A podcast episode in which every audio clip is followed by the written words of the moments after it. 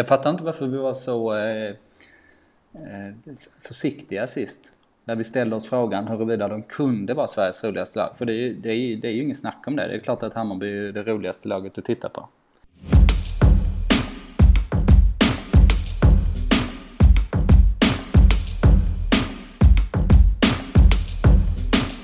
Fotboll Stockholms podcast är här igen. Det är avsnitt, eh, ja, vad ska vi dra till med den här gången? 235. Mm. ja, vi ökar ju, eh, vi gör ju 35 många, stämmer nog. ja, vi, vi, ök, vi gör ju många, vi gör ju cirka 100 avsnitt eh, mellan varje avsnitt som ni hör.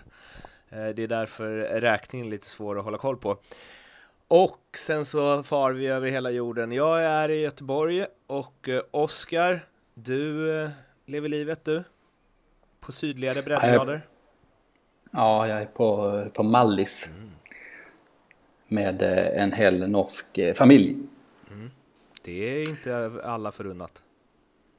Nej, det är inte så dumt. Vi hyr ett hus här eh, och de har semester och jag jobbar kan man säga.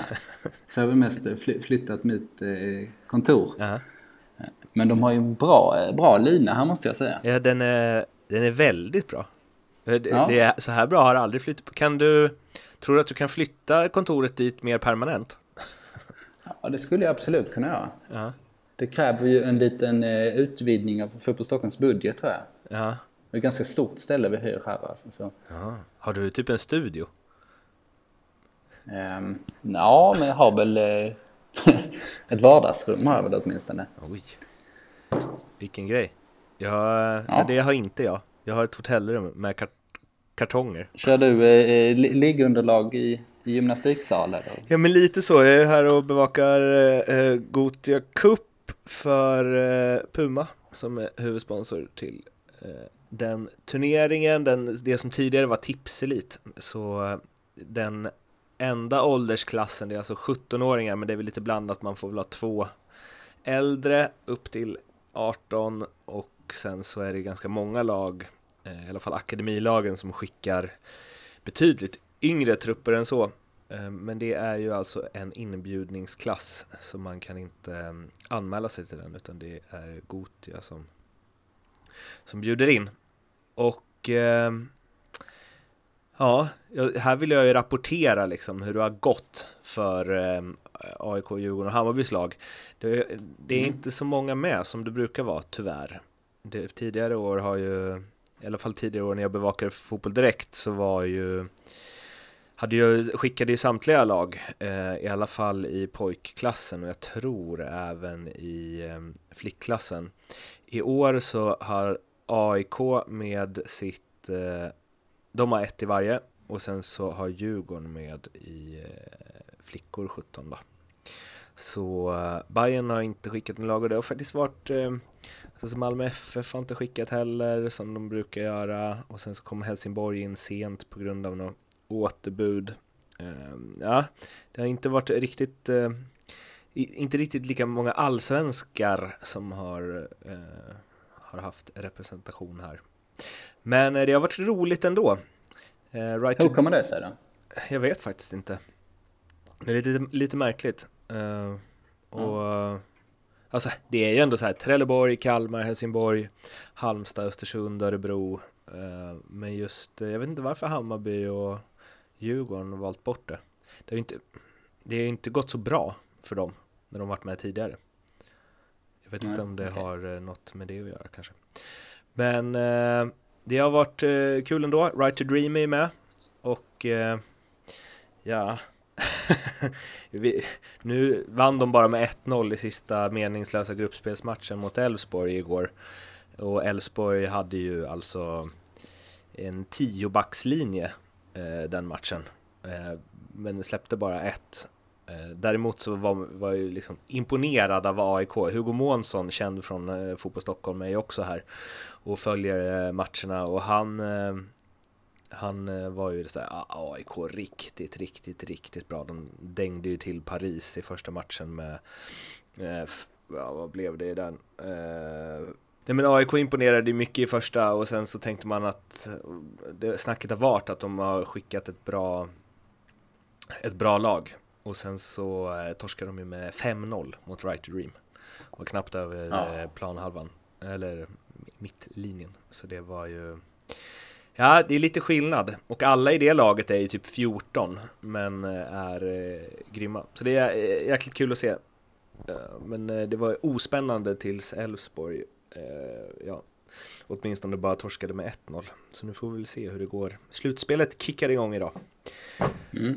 Du får ta lite kontakter där i Right to Dream för det känns som att ett par av de killarna kommer ju komma till Allsvenskan och en runda Vi, ha, i framtiden. vi hade ju en av reportrarna här, eh, Aladji heter han, han, skulle, han hade inte fått sitt presskort än. Eh, så då skulle de gå ner och snacka med Right to Dream efter en match. Och då blev han stoppad av eh, tränaren som ville se presskortet. Och jag har ju varit på den här turneringen i fyra år tror jag. Alltså det är aldrig någon som har frågat om det där presskortet man får första dagen. Det är liksom en liten papperslapp. Eh, Jag har säkert tappat bort den några gånger också men liksom aldrig behövt den och man kommer in överallt ändå. Det är bara att säga att man skriver eftersom det inte är så många som gör det. Eh, nyttja inte det här tipset nu om det är någon som vill lyssna på det. Men då blev han ju stoppad för att eh, de trodde att, eller de är så rädda för att det ska komma fram agenter. Eh, så man måste kunna visa Okej. att man är press. Just det. För att det är så många som rycker i de här killarna. Mm. Ja, inte okomplicerat. Fattar man ju också. 14-åriga killar Nej. från eh, eh, Ghana i det här fallet som eh, har sina intressen och sen agenter som har sina. Och eh, ja, är, med pengar och föräldrar och klubbar och, och allt vad det innebär mm, exakt. så är det där aldrig okomplicerat. Ja, det blir, så det blir B-slutspel för AIKs båda lag. AIKs flickor torskade alla tre matcherna i sin grupp eh, och även Djurgårdens eh, flickor kom trea i sin grupp och får lira B-slutspel. Så ingen 08-succé eh, i Gothia Puma Trophy. Nej, då är det ju tur att det har gått lite bättre för de andra lagen Ja. den här senaste veckan. Jaha, jag trodde med Isa, de andra lagen i grupperna har gått lite bättre. Ja, jag tycker om, jag tycker om när jag hejar på alla. ja, exakt. Det är kul när det går bra för andra, eller vad man säger. Ja, Ja, eh, men, ehm, eh, men så det är full rulle här eh, och det är liksom, ja, 07 till 03 har varit eh, snittdagarna hittills. Eh, men eh, Okej. kul i alla fall. så det är inte sådär mycket VIP för dig den här veckan? Inte så mycket VIP, alltså snackade till mig något så här eh, Gotia Leaders Lounge-kort i, igår eh, som gör att man Mhm. kan gå in och ta gratis kanelbullar, banan och dryck. Men himla knixig grej med dem, för man, de tar kortet när man går in. så man får välja sina tillfällen. Eh, Jaha, ja, men man får tillbaks kortet sen när man har Nej. ätit en kanelbulle eller? nej. Nej, okej. Så jag, igår tog jag en påse kanelbullar och gick ut med. Han var, ja, det var märkligt. Så man får liksom skaffa, skaffa nya VIP-kort varje dag. Ja, men jag vet inte om det säger mest om det systemet där eller om din personlighet faktiskt. Nej, Jag är orolig att det liksom lutar över det andra ja, hållet. jag känner, det är svårt att inte känna sig oskön när man går in och bara så, tar så många kanelbullar som man inte kan bära dem på en tallrik. Eh, Ja. Men det var ju liksom till teamet, till crewet. Eftersom vi bara har ett kort är det bara en som kommer in. Och eftersom man blir av med kortet så gäller det att liksom roffa åt sig så mycket som möjligt. Sänka all form av värdighet. Eh, Men så jag, fyra kort, eh, så, fyra sådana kort eh, fick jag tag i. Eh, Sen kan man också göra så att man ska bara, ah, jag ska bara gå in och hämta eh, Jag var här nyss för bara 30 sekunder sedan, jag ska bara gå in och hämta en läsk till. Ja, och så tar man liksom fem läsk istället. Ja, Ja. väldigt Ja, osmickrande må- för mig. Ja, det är många parametrar här också. Ja. Man kan ju säga att du var generös som, skulle, som tog den för laget också. Ja, verkligen. Som... Men eh, jag tror ändå mer på den första vinklingen där. Ja, det är då, dålig typ av eh, VIP-kort. Mm. Ändå, att de tar det. det är inget, inget bra. Eh, men det finns ju bättre VIP-kort. Eller ish i alla fall. Ja, det finns det. Och då leder vi väl in eh, det här på vår eh, sponsor helt enkelt. Som är Sefina pantbank som har ett VIB-kort, Very Important Bajare. Mm. Som eh, är en, eh, en bra grej om man håller på Hammarby, eller vad säger du? Den är ju eh, väldigt bra. Då får man ju diverse vib-treatments och det är, ja, man är med i utlottningen om 10 signerade matchtröjor och man kan åka på kryssning, det är matchbollar, det är signerade spelarkort, ja det är massa grejer helt enkelt, där någonstans, eh, vad säger man, eh, löken på laxen väl? Är... Ja, tveksamt, men visst. Nej, är det det dåliga eller? Eh, lite tvetydigt det där väl? Jaha. Ja men så här, löjrommen då på laxen är ju ja. Eh, en, att man kan vinna en plats i en eh, vibblås under derbyt Hammarby-AIK den 22 september. Så man får eh, super-vib-behandling där. Och eh, för att få tag i det här kortet, Oskar, vet du hur man gör då? Ja, det vet jag faktiskt. Man går in på vib.sefina.se eh, och det här kortet är eh, gratis och man kan vinna en, som du sa, en del, eh, hel del intressanta grejer faktiskt. Mm. Så, så om man håller på Bayern så är det egentligen bara att ansöka tycker jag. Mm. Det är inte, finns inga nedsidor med det. Nej, det gör ju inte det. Eh, så det enda man eh, gör där är att eh, skicka en bild på ett föremål som man vill ha värderat de har sett skämtet att man skickar en bild på sig själv, så det kan ni spara för er själva. Och sen så får man det där kortet helt enkelt att visa upp. Och som sagt, är man bajare så finns det liksom finns ingen anledning att inte ha det här kortet. Det, och de tar det inte ifrån en heller när man har använt det en gång. Som de gör här Nej, på Gothia Cup. De, eh, Nej, de, de, eh, Vibben är ju lite bättre än eh, Vippet, åtminstone Vippet i Göteborg får man ju konstatera. Verkligen. Tveklöst. Eh, tusen tack Stefina för att ni är med oss på Fotboll Stockholm. Nu ska vi snacka den gångna veckans fotboll och eh, vi har ju lite här hur många poäng Hammarby ska ta och så. Och du sa 19 Mm, och på åtta, på åtta matcher. Och jag sa något, jag sa lägre. jag sa ja, nog 16, men jag vill jag tror att jag tänkte lägre. Okej, okay. och jag tror ju, nu har vi fortfarande inte faktacheckat här, men jag tror det var tvärtom. Jag tror du i så fall tänkte 16 men sa lägre än 19. Men eh, jag kan ju ha fel här. Men du, jag ehm. vill, vi kör lägre. Det känns fördelaktigt för mig. Ja. ja prognosen är ju ganska god får man ju säga, tycker jag. Mm. För nu, nu, är det ju 13 eh, poäng på fem matcher som de ska i så fall plocka in 3-1-1 på de här fem matcherna och det känns ju ganska rimligt fortsatt. Mm. Mm, mm, mm. ja, vi får se. Jag har inte gett upp än. Men eh, roligt kommer det bli i alla fall. Vi har ju varit inne på det. Att Hammarby är eh, Sveriges eh, eh roligaste lag och det har varit vi har liksom in, vi har inte slagit ner spiken i kistan där, men eh, riktigt dålig, dåligt ordspråk för det här. Men i alla fall, det gör vi ju nu. Många spikar. Det är inget snack. Nej, verkligen. Jag fattar inte varför vi var så eh, eh, försiktiga sist. När vi ställde oss frågan huruvida de kunde vara Sveriges roligaste lag. För det är, det är, det är ju inget snack om det. Det är klart att Hammarby är det roligaste laget att titta på. Det slås man av varje match man eh, tittar på oavsett om de spelar bra eller inte. Eh, extra lätt att säga nu efter två matcher där de totalt sett har nio, nio gjorda mål och fyra insläppta. Mm. Men så som de spelar med den här eh, övertygelsen om att man ska spela på sina egna styrkor och att det ska vara ett offensivt frejdigt spel och där man ska sätta pressen så högt upp man kan och så vidare.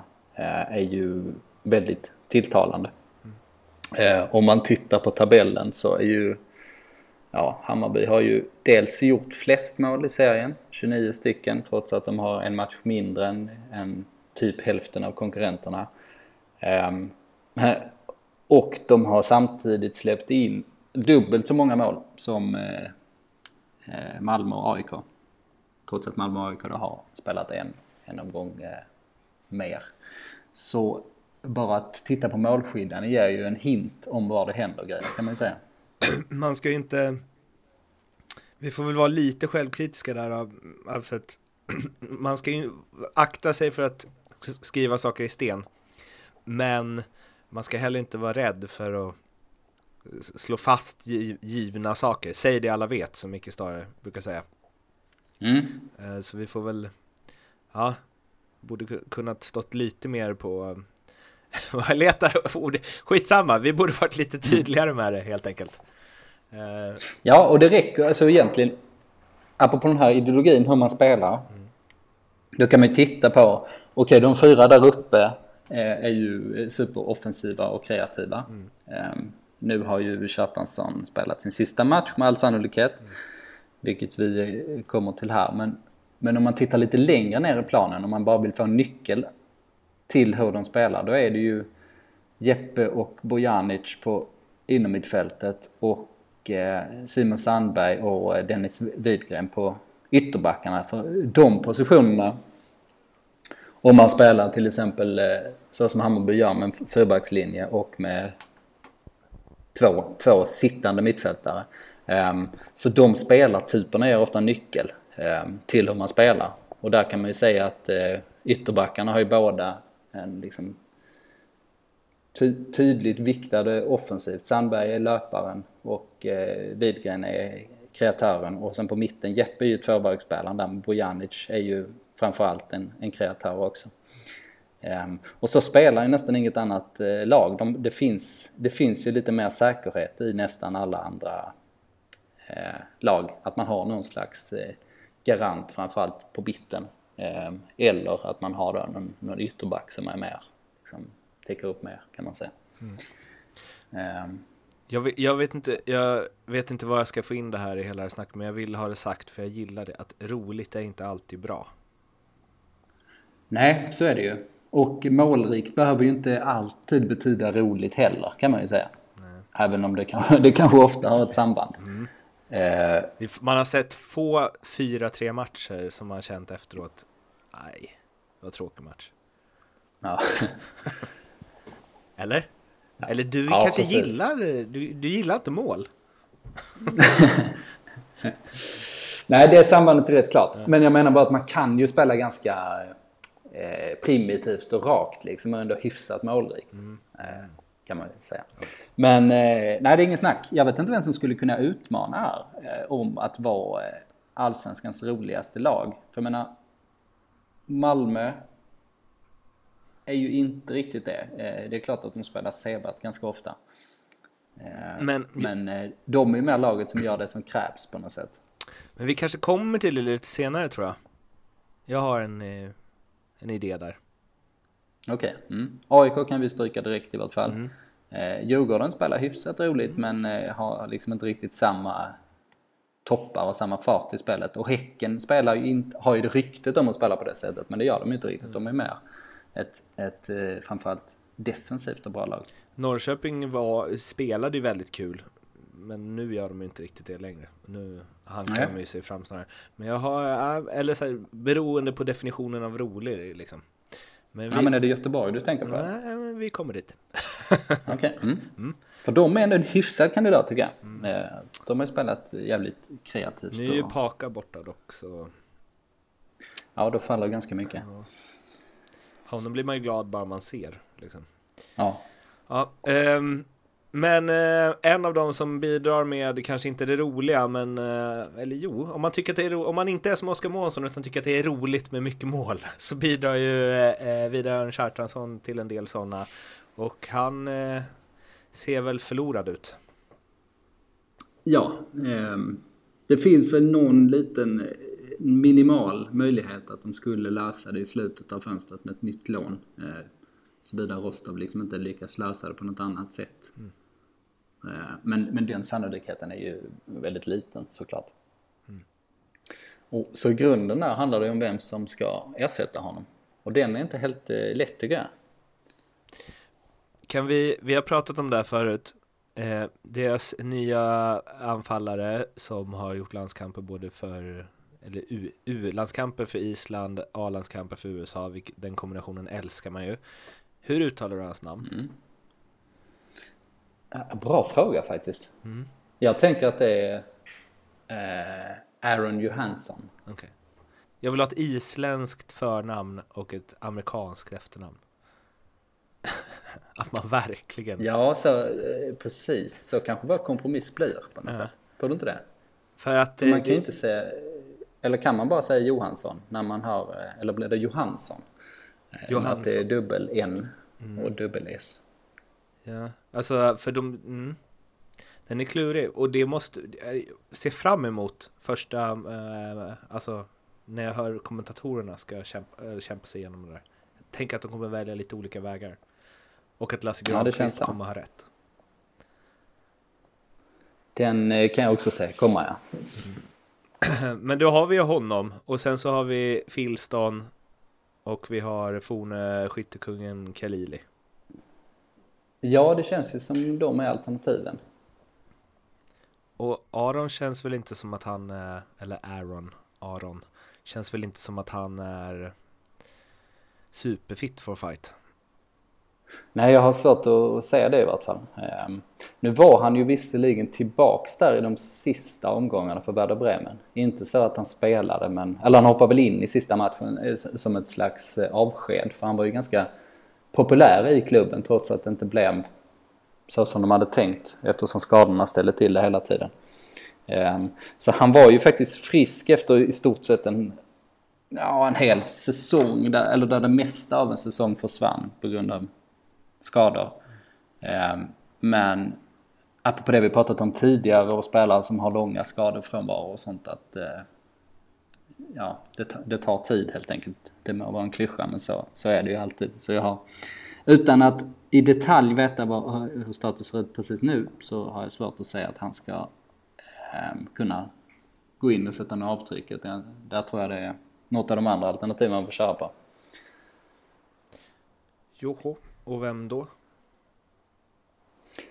Ja, då landar vi nog på Kalili tror jag.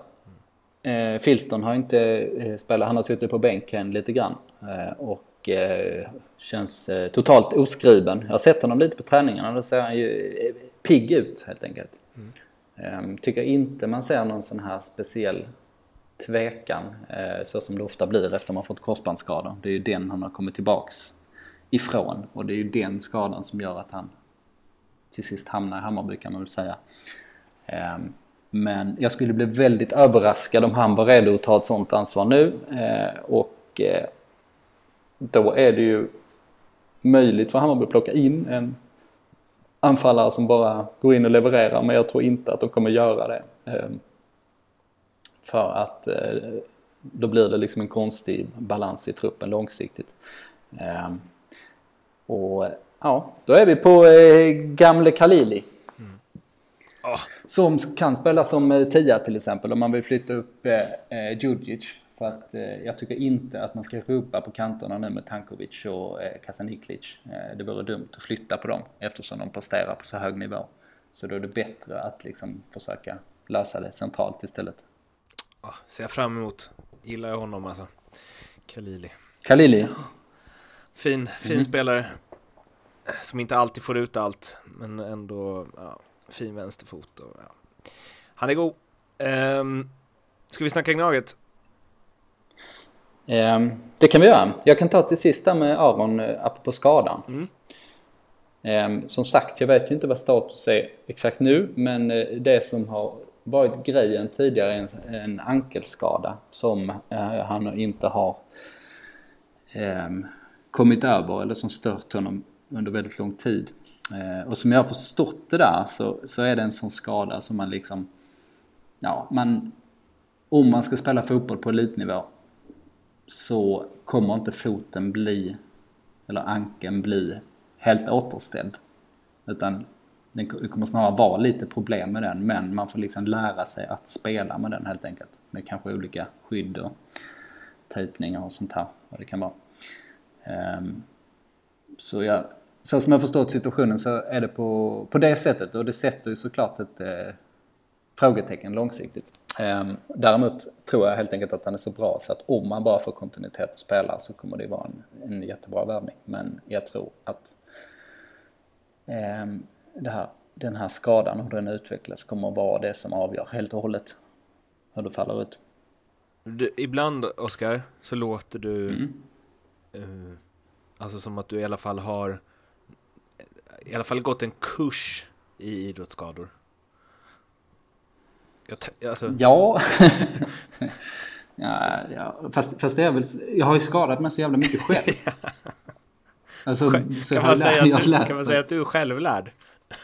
Ja, det skulle man nog kunna säga. Ja. Plus, plus att jag är på den där nivån, du vet att um, när, man, när man har liksom ingen, man har ingen specialistkunskap utan man har lärt sig lite så här populärvetenskapligt och då tror man alltid att man vet allting. Ja. Det är först när man börjar lära sig på riktigt som man förstår att man inte kan så mycket. Ja. Ödmjukt. Nu blir det Gnaget.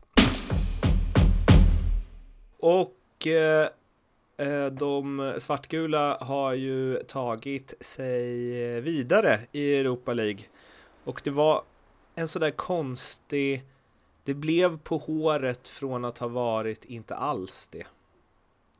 Eh, och det är ju bortamålsgrejen. Otroligt säkert ju. Ja. Mm. Vad sa du, det var otroligt säkert? Ja, det var, men det var så otroligt säkert redan från 1-0. Eh, mm. Alltså när 1-0 kom var ju matchen klar. Mm. Um, för att uh, eh, AIK är ju Sveriges bästa lag på att kontrollera matcher.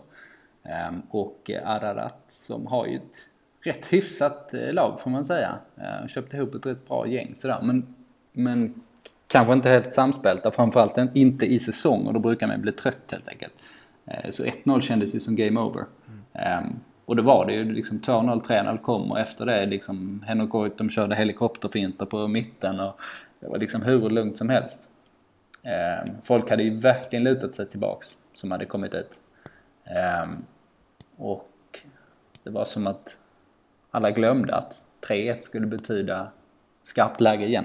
Och så kom ju 3-1, eh, vilket var en eh, gåva från Karol Metz från en totalt ofarlig situation till att han gav bort ett friläge helt enkelt. Och eh, sen var det ju inte särskilt särskilt långt ifrån. Det var en, ett par hörnor på slutet och ett avslut från ganska bra läge i, från slottet liksom. Så eh, nej, det blev svettigt helt enkelt. Nu, nu löste de ju som sagt eh, det hela, men tongångarna innan det här dubbelmötet var väl ändå att det här ska gå som den dansigaste av danser och du var ju också du var ju väldigt säker även efter första matchen att det här kommer inte bli något problem. Så hamnar de ändå i att det är ett mål bort. Är inte det lite leka med elden och att de inte ska behöva sätta sig i den situationen? Jo, det kan man ju tycka och alltså hade de åkt ut så hade det ju varit ett fiasko med stora bokstäver. Mm. Alltså ett historiskt fiasko. Eh, Okej, nu finns den här livlinan att nu går man in i Europa League-kval. Mm. Redan, redan när man torskar nu så visst, då finns det ju en, en bakdörr där. Men eh, med tanke på satsningen man gjort liksom och vilken typ av motstånd det handlar om så hade det ju varit en totalt underkännande. Um, men jag, jag står ändå på sidan att jag tyckte det var ganska bra gjort av AIK totalt sett. Ehm, för att man kan ju inte ta bort de här extraordinära händelserna från matcherna såklart. Men om man ska analysera så får man liksom ändå lägga tyngdpunkten hur man har presterat utifrån förutsättningarna. Och första matchen då får man ju en tveksam straff eh, och en tveksam utvisning efter, efter 12 minuter på bortaplan. Ehm, Tror de är tveksamma eftersom de fortfarande inte visar några repris, repriser på just de situationerna. Men det, det kändes ju instinktivt så. Um, och det var ju dessutom på Lundström som spelade där istället för uh, eh, ehm, Sundgren eh, med tanke på eh, den situationen. Ehm, och då fick de liksom, då var det ju damage control och då var det klara 2-1 på bortaplan. Det var ju helt okej okay, givet förutsättningarna. Och sen nu hemma ganska svag första halvlek men en riktigt bra start på andra. Och sen så är det här att Mets ger bort ett mål så att säga. Eh, ja, som sagt, det var ju hopp, hopplös aktion av honom. Men den är, går ju lite utanför den stora analysen liksom, om du förstår vad jag menar. Mm. Um, och hade inte det där målet kommit då hade det ju varit precis så lugnt som, så som det kändes. Um, det vill säga att uh, Henok uh, kör sina roulettefinter på mittplan liksom och folk sitter och garvar och har det skönt. Så uh, jag, ty jag, tyckte de, de gjorde faktiskt ganska bra även om känslan var liksom så på slutet. Magkänslan var att vad fan håller de på med liksom. Ska vi prata Sundgrens sorti det känns väl ganska svårt att tillföra något nytt till den diskussionen. Eh, Vilken det, grej, det som inte... känner man ju. Ja, det, det, kan man ju säga. Det kan man ju lugnt säga. Ehm, men det intressanta där är väl egentligen bara vad det innebär för framtiden. För att Sundgren kommer ju förr eller senare vara liksom i ett vända hem-läge. Mm. Det kan man ju nästan vara säker på. Mm. Jag vet inte, vad, vad tror du? kring, kring en sån diskussion? Jag tror att det, han kommer komma tillbaka till AIK någon gång. Jag tror inte det kommer vara något problem då. Jag tror det kommer vara glömt och förträngt. Eh, sen så tycker jag, om jag bara får säga det om hela grejen, det har jag ju sagt, men det är ju... Det finns, finns ju inget bra med eh, att AIK kommunicerade det de gjorde. Alltså, mycket bättre att bara säga att han har ont i knät. Hälen. Något. Alltså... Mm, för, förmodligen. Men det, det, kan ju också vara lite så här sända signaler till resten av spelartruppen och sånt eftersom han då upp, tydligen har beklagat sig och så. Ja.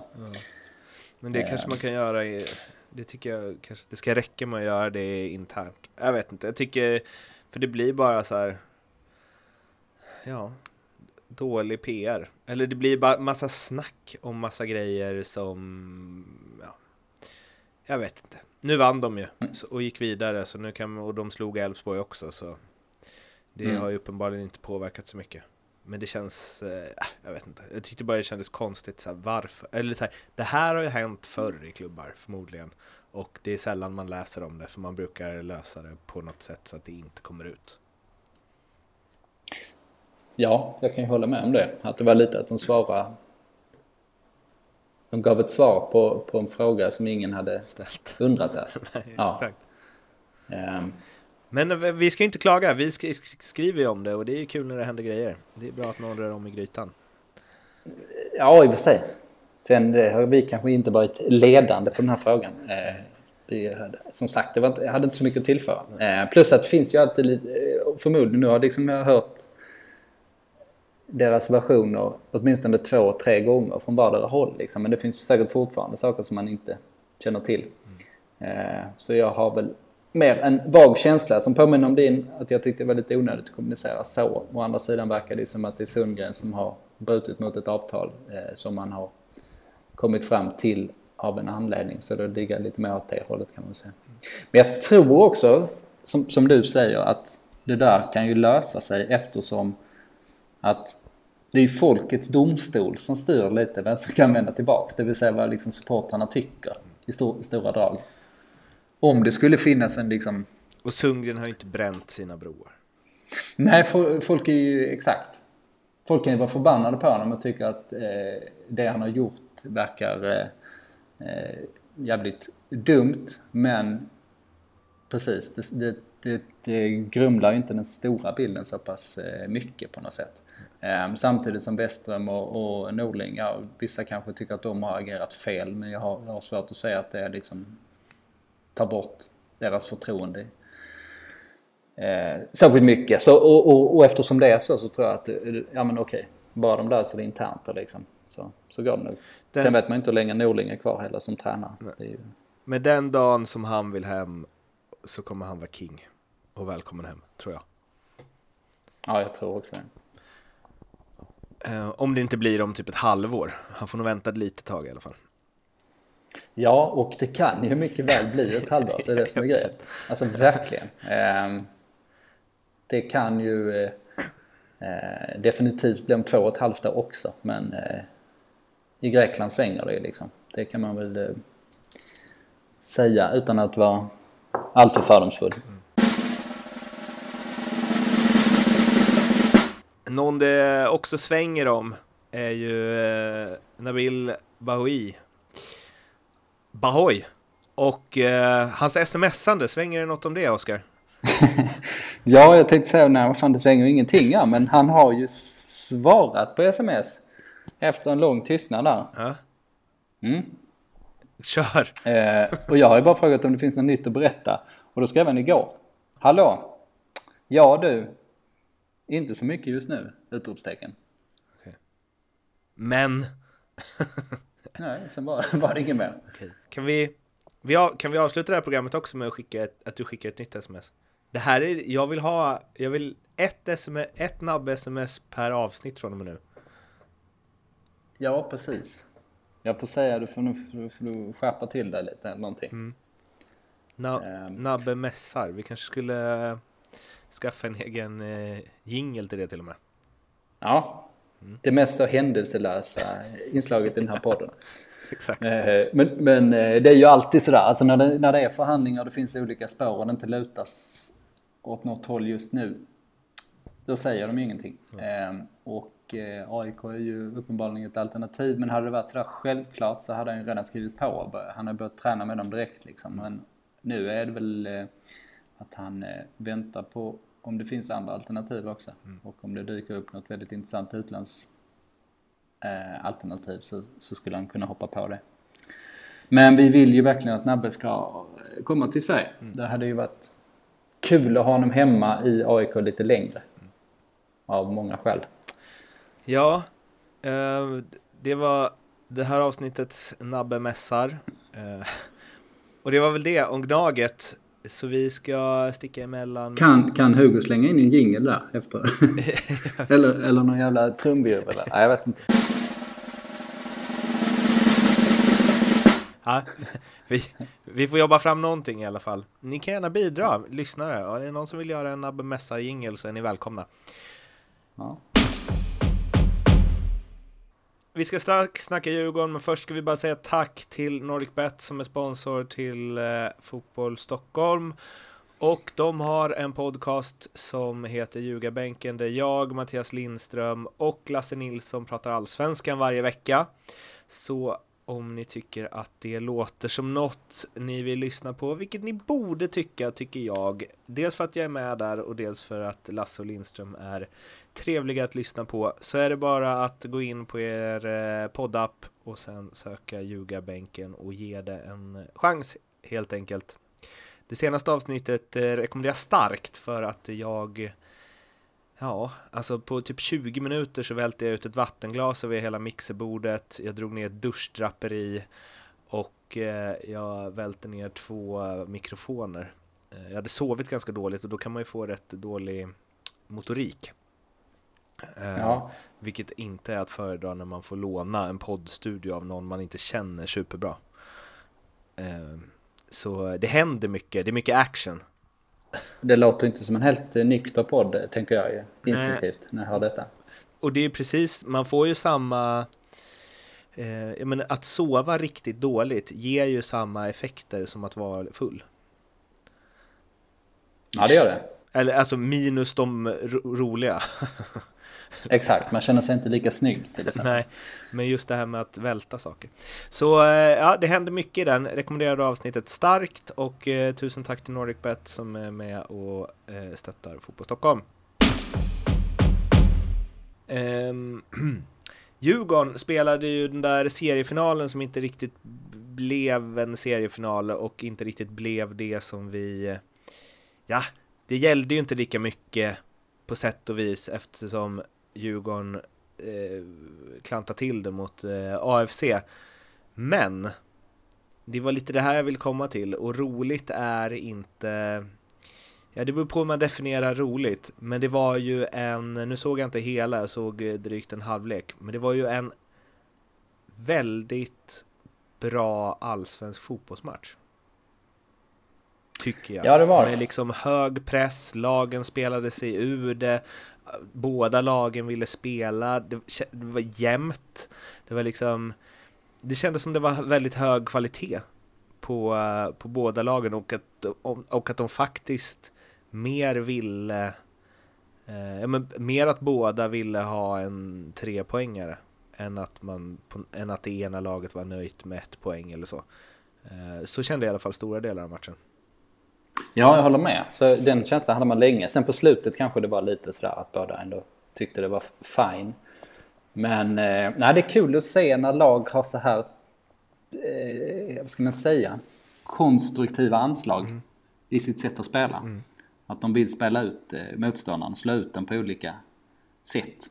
Eh, och ja, den känslan att det kan gå hur som helst är ju alltid tilltalande. Mm. Och, um, och någonstans att de jag måste säga, någonstans så spelade med marginaler ibland som kunde gått åt helsike. Eh, men att, det alltså, att de klarar av det hela tiden. Ja, var, verkligen. Det var liksom inget dräll. Det var bara kvalitet. Nej. Ja. Ja, och för Djurgårdens del så tycker jag ju trots allt att de var ju lite närmre eh, vinsten. Eh, om man bedömer matchen spelmässigt. Sen ska man ju väga in att Haris borde fått rött kort för sin vansinniga stämpling. Ehm, och eh, kvitteringsmålet var ju offside i eh, den, i den första situationen på Buya Turay. Det var ju hårfint i och för sig, men på reprisen kan man säga att det var det.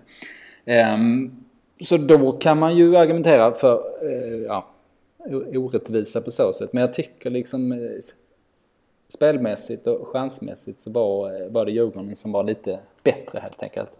Ehm, trots att Malmö gjorde en, ja, en prestation av liksom gott Malmö-snitt kan man säga. Mm. Ehm, ja, så det är kul när allsvenskan är på det sättet. Mm. Ja, jag blir glad av det. när, jag, när jag slår på en allsvensk toppmatch och det liksom ger mig det som jag vill, eller som jag tänker att det ska ge mig.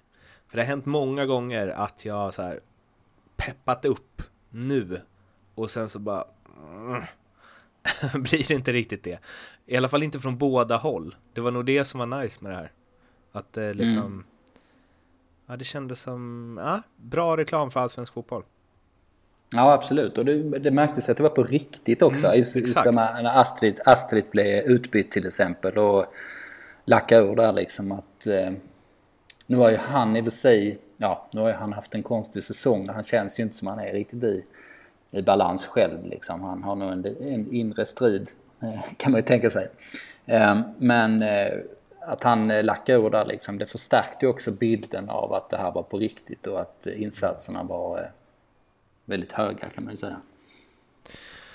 Ja, och eh, ja, det känns som vi pratar om Astrid ofta och det är ju en, det säger väl något om något men eh, Ja men eh, och på tal om Astrid då som det känns som vi snackar om varje avsnitt så Han eh, Ja, alltså det blir lite tjatigt att så gå, på, gå på hur han reagerar på grejer och hur hans person är men precis som man gillar ju känslor och å ena sidan så är det ju så här, man, man ska, alla ska räta in sig i ledet och man ska vara på samma sätt. Så den grejen bara spya på. Tycker det är nice när folk eh, spretar, som han eh, väl får anses göra. Sen så sa ju eh, Tolle efter matchen att det kanske gick lite väl långt. Eh, visst, man får visa känslor när man är besviken och så, men ja, man kanske ska hålla det under en viss ribba i alla fall. Och eh, Ja, jag vet, alltså så här, det beror på hur resten av gruppen tar det och hur tränarna hanterar det. Och om man, men så här, vissa grupper har ju plats för en Astrid. Uh, och så, man kan ju dra en parallell till Sebastian Eriksson uh, i bakgrunden under Robin Söder-intervjun. Uh, så, såg du det eller? Nej, jag gjorde inte det faktiskt, men jag hörde om att han fick någon fri, frispel ja, ja, Alltså, vilket man på ett sätt tänker, eh, och Seb är ju liksom en superkille, men på ett sätt tänker man så här, vilken jävla idiot, vad håller han på med? Eh, samtidigt som det är någonstans här, mm, där har vi kärnan till att han har blivit en riktigt bra allsvensk fotbollsspelare, antagligen. Att han har ett sån, alltså att hans inställning är på det sättet. Ja. Och jag kan, jag kan tycka jag kan tycka både och. Men som sagt, det är ju Ingen är ju förvånad att Astrid reagerar som han gör och att han har gjort de här uttalandena och att han har agerat som han har gjort under den här tiden i Djurgården och det är ju bara upp till Klarar inte tränarna att hantera en sån grej så skulle jag säga att det är mer på deras bord än på hans bord. Mm. Ja, men jag tycker de hanterar det bra. Mm. Jag tycker inte det är något problem alls att man blir förbannad så som han blir. Ehm, och jag tycker Tolle att det var ett ganska bra sätt att, att eh, snacka om det också. Mm. Det vill säga att han tycker att, han, att det var, han var sur och förbannad lite för länge. Mm. Ehm, men att han kan eh, ha viss förståelse för det också. Ehm, på samma sätt bedömde han ju hans, spel, hans insats när han berättade att han, varför han byttes ut. Och då sa han ju att han eh, var lite, eh, ja, han rörde sig på för stora delar av planen. Ville ta för stort ansvar. Liksom sprang in på andras ytor snarare än höll sig i sin, i sin zon så att säga. Ehm, men att han tyckte han gjorde ett väldigt bra defensivt jobb. Ehm, och jag tycker sådana saker måste man ju bara kunna säga utan att det är några eh, konstigheter helt enkelt. Ehm, och då tar man ju också ner det på något sätt. Alltså det vill säga att man förnekar ingenting. Så man skapar liksom en... Ja, att folk känner att eh, att det finns någonting man eh, döljer och man överdramatiserar inte det heller. Utan man kan ganska spontant säga vad det handlar om bara. Eh, och där tycker jag Kim och Tolle är bra generellt sett. Att de är eh, ärliga. Apropå det säga saker som folk ser. Men de drar det heller inte för långt liksom. Mm. Det är vad det är. Förtroendekris. Ja men precis. Ehm, och det uppskattar jag. Sen så eh, det här att han fick ta lite för stort ansvar och eh, röra sig över lite för stora ytor och göra saker som det kanske inte är menat att han ska göra. Eh, oj vad många gånger man har sett honom göra det alltså. Det, ja verkligen. det, det, det, skulle jag säga, han är en sån spelartyp till och med. Som bara, ja, nu börjar det bli tråkigt här för jag har inte fått bollen på ett tag. Så helt plötsligt en meter framför backlinjen liksom. I alla uppspel. Ja. Nej, det är en utmaning det där. Att, att eh, för, för, just det här att hålla sig inom sin zon, det är en så absolut nyckel för Kim och Tolle på det sättet de spelar. Mm. Ehm, de tjatar väldigt mycket på sina spelare om att de inte ska överarbeta situationer. Och det gäller dels det här att man ska eh, spela på ett eller två tillslag för det mesta och inte trampa på bollen liksom och försöka lirka sig igenom för, saken, för sakens skull. Liksom. Mm. Eh, men också det här eh, i anfallsspelet att man inte behöver springa och möta bollen hela tiden. Mm. Utan man kan bara hålla sig i sin zon, vara lite kall. Eh, och eh, då gäller det att, eh, och det gäller de flesta spelarna och Astrid ska väl gå lite utanför det mönstret är det tänkt att han är den här som ska bryta av lite. Eh, och då gäller det att hitta en balans där så att man får in honom i systemet utan att döda kreativiteten. På något sätt. Men det kommer ju säkert gå. För problemet är inte att han inte passar i systemet utan problemet är ju att Astrid inte har levererat och inte varit redo mm. Eh, att spela och ta den stora rollen i laget än så länge. Mm. utan det eh, dröjer fortsatt. Det skulle han ju kunna göra. För kapaciteten har han ju. Och vad gillar Astrid? Har, han står inte ens med i körschemat och ändå har vi pratat om honom nu. I, det, det är liksom, man hamnar lätt där. Det skulle ju varit ett rött kort på Haris Adetinac. Eh, på, för en tackling eh, på um, Arnold. Va, vi, är alla överens om efternamnet eller? Ja, jag tänker Traustason. Kan man säga något annat? Eller? Vad sa du? Traustason. Kan man säga något annat? Men Tröjstason var ju grejen ett tag va? Ja just det, så kanske man ska säga. Ja. Ja. Arnor. Eller Ar Arnor. Ja, is Islänningen. Islänningen. Uh, som ju, uh, det var lite ledband i foten uh, där. vill, vill den självlärde hobby-idrottsläkaren Oskar Månsson uttala sig? Ja, alltså doktorn är ju oroad här igen. Mm. För att det framstod ju som en positiv nyhet, att det vill säga att det inte var någon fraktur. Ja. Um, och det är väl bra såklart, men det var ju ledband i foten. Uh, och det brukar ju vara ett helvete. Mm. Om man ser till, uh, alltså vad folk brukar, folk som lägger av med sina karriärer, nu, nu tror jag inte detta är liksom att det kommer gå så långt. Uh, men om man ser på folk som inte kommer över skadebekymmer, då är det ju ofta de här fotproblemen, ledband och sånt liksom, som ger komplikationer där på olika sätt. Tänker så här Peter Forsberg och eh, Christian Olsson tänker jag på. Var inte det samma grejer? Jo. Som liksom aldrig blev bra bara. Mm. Hur länge man än försökte rehabba och göra om liksom. Mm. Sen Foppas fot känns som en, e ett egen, en egen bok i eh, läkemedelsvärlden. Liksom. Eller doktorsvärlden. Ja, det, ja, eh, dok känns så. Ja, eh, men eh, Harris har ju också haft eh, skadeproblem får man ju säga. Men eh, nu är han ju liksom back in biz. Ja, verkligen. Och eh, korsbandsskador är ju också knöliga att komma tillbaka från. Men nu, nu för tiden är ju aldrig det någonting man lägger av, med, lägger av för liksom. Um, utan det, det blir ju bra för det mesta. Um, om man inte heter Jasmin Sudic. Mm. Um, men utmaningen där är ju ofta det mentala helt enkelt. Att uh, våga ha samma instinkt som tidigare. Jag har ju själv dragit korsband till exempel och jag klarar, jag klarar definitivt inte det kan jag säga. Um, men Harris har ju fram till, eller i fjol tyckte jag man såg ganska mycket spår av det här liksom, den här lilla tvekan i spelet och så. Men nu känns det lite som, nu är det lite den gamla Harris igen. 33 år gammal. Ja. På nytt född. Han har ju ganska ja. bra fysik alltså.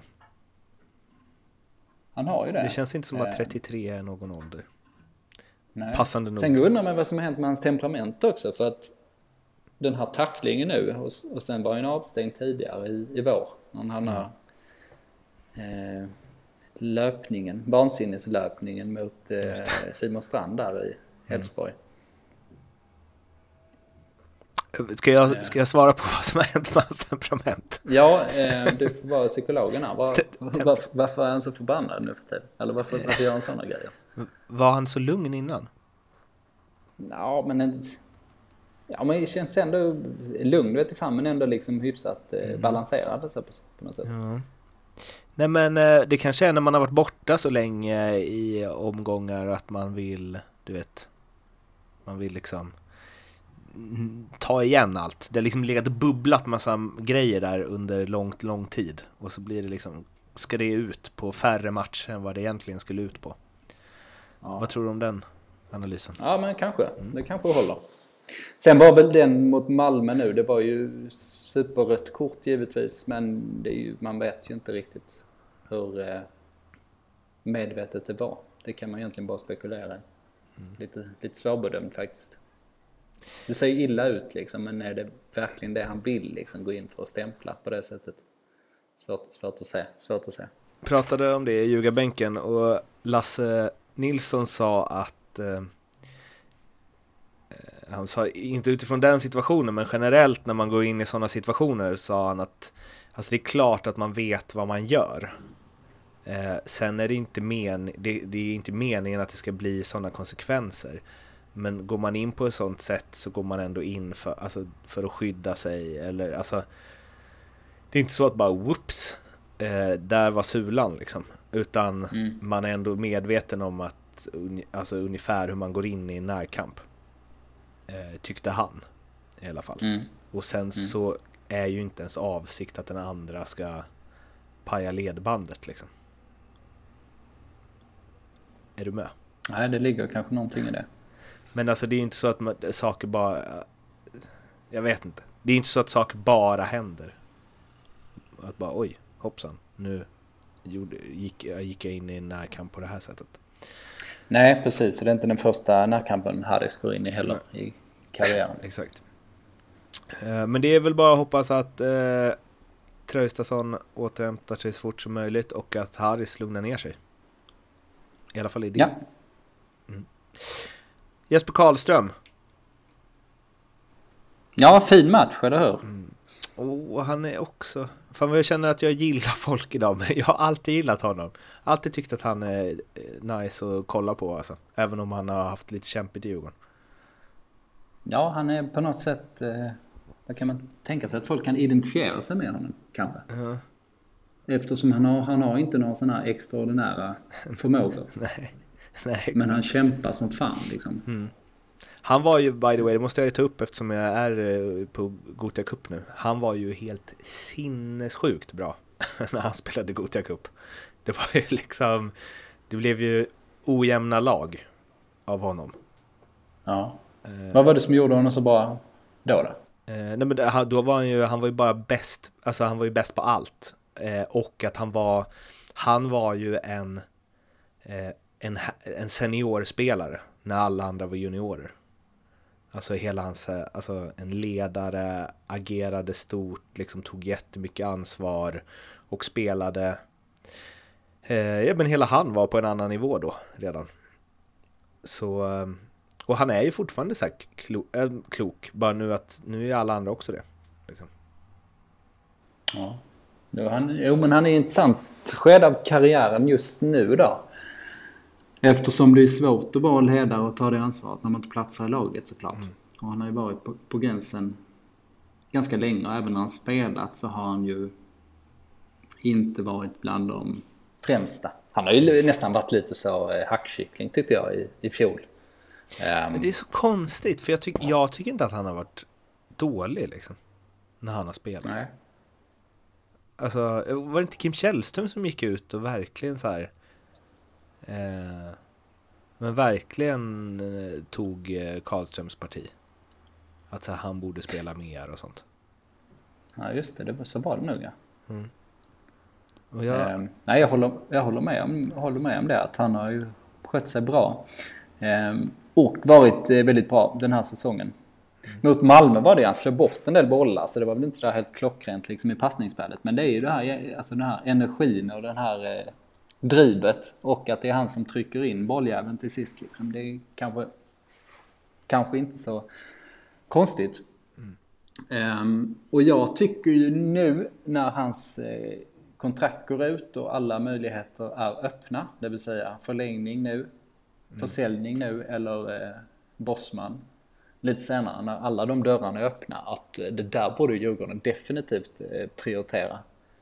Smacka på med ett bra kontrakt med honom för att hans eh, erbjudande i utlandet, det har varit lite snack om Zweite Bundesliga nu liksom. Mm. Kan ju inte vara sådär fantastiska. Men den spelar, spelartypen är ju inte liksom den som får de bästa kontrakten eller största klubbarna. Ehm, och han har ju varit i Djurgården i fyra säsonger nu va? Och han har ju så här kulturbärarpotential helt klart. Ja, han skulle kunna spela där resten av karriären typ. Ja, och eh, som sagt eh, bra eh, karaktär. Stockholmskille. Eh, som passar ju väldigt bra i laget just nu. Men skulle passa lite, eh, liksom ganska mångsidig. Ja, pa passar lite i alla möjliga omständigheter och sånt. Och som sagt, och inte för bra heller. Eh, för att man ska ju vara, man ska ju vara bland de bättre, bättre i en trupp. Men man ska inte vara bland de bästa heller. För då, då blir man ingen kulturbärare, för då försvinner man ju så. Mm. Ja, jag tycker verkligen att de borde dra på där liksom med ett bra treårs, treårskontrakt. Lägga pengar på en, en ordentlig lön för honom.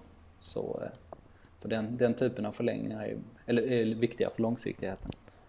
Stefan Selakovic var ju en sån i Göteborg. Perfekt. En av de bästa i laget, men hade redan varit, han hade också redan varit ute en sväng och fattat att jag ja. inte är tillräckligt bra. Ehm, men, Precis, eh, en sån som Per, Karlsson är ju, menar, nu rankas han ju som ja, en av de absolut bästa försvararna i Allsvenskan såklart. Han var till och med med landslaget. Men under ganska många år så argumenterar AIK-supporterna för att han var liksom en av de bästa eller bäst i serien. Men jag, jag tyckte inte riktigt han höll den nivån. Eh, men såg att han var en bra spelare såklart. Och, och, eh, eller Daniel Tjärnström om vi ska ta ett annat AIK-exempel. Ja, men de, bra karaktärer och lagom bra helt enkelt. Mm. Eh, och där skulle jag placera eh, Karlström också. Kan se att han ligger på en liksom jämn hög nivå under många år. Ja, och sådana spelare är viktiga så eh, jag, jag står också på ge Karlström eh, nytt kontrakt-sidan. Mm, det känns tryggt. Det kommer lite intressanta matcher nu framöver för Djurgården. Eh, och eh, ja, mm, som borde gå kanske på ett visst sätt men också kan gå på ett annat som alla matcher. Men ändå just de här, eh, ja men de stakar väl ut var, eh, var resten av säsongen ska ta vägen. Eller här ska det stakas ut i alla fall. Ja, verkligen. Ehm, då är lika definierade matcher nu i stort sett som, eh, eller definitivt lika mycket som derbyn liksom i, någon generell mening. För att nu är det lite så, apropå derbyn som alltid kan gå lite hur som helst. Eh, för Djurgården brukar det i och för sig gå dåligt till och med. Så. Eh, då kanske de har bättre chanser nu. Men Kalmar borta, Häcken hemma, Elfsborg borta. Alla de är ju matcher med en, ja, goda chanser att vinna samtliga. Men eh, ingen är ju klar på något sätt. Mm. Eh, så de, ja det är väl egentligen den enda spaningen jag har. Men just de tre matcherna som kommer nu eh, känns ju lite definierande för säsongen. Tre vinster där så eh, då tar de en Europaplats. Eh, som, som måste det nästan bli. Liksom. Vi har bara tippat Bayern hittills. Ja, vad, hur många poäng tar de då på de tre?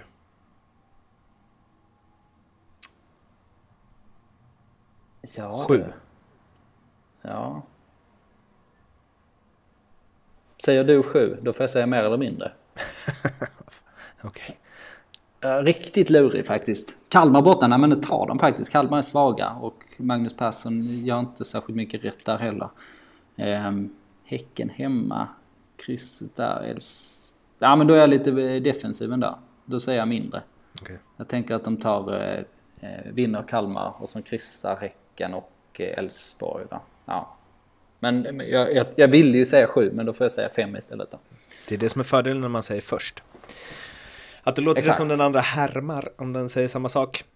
Men eh, Dr. Månsson, han härmar inte, utan han eh, kör på sin egna linje.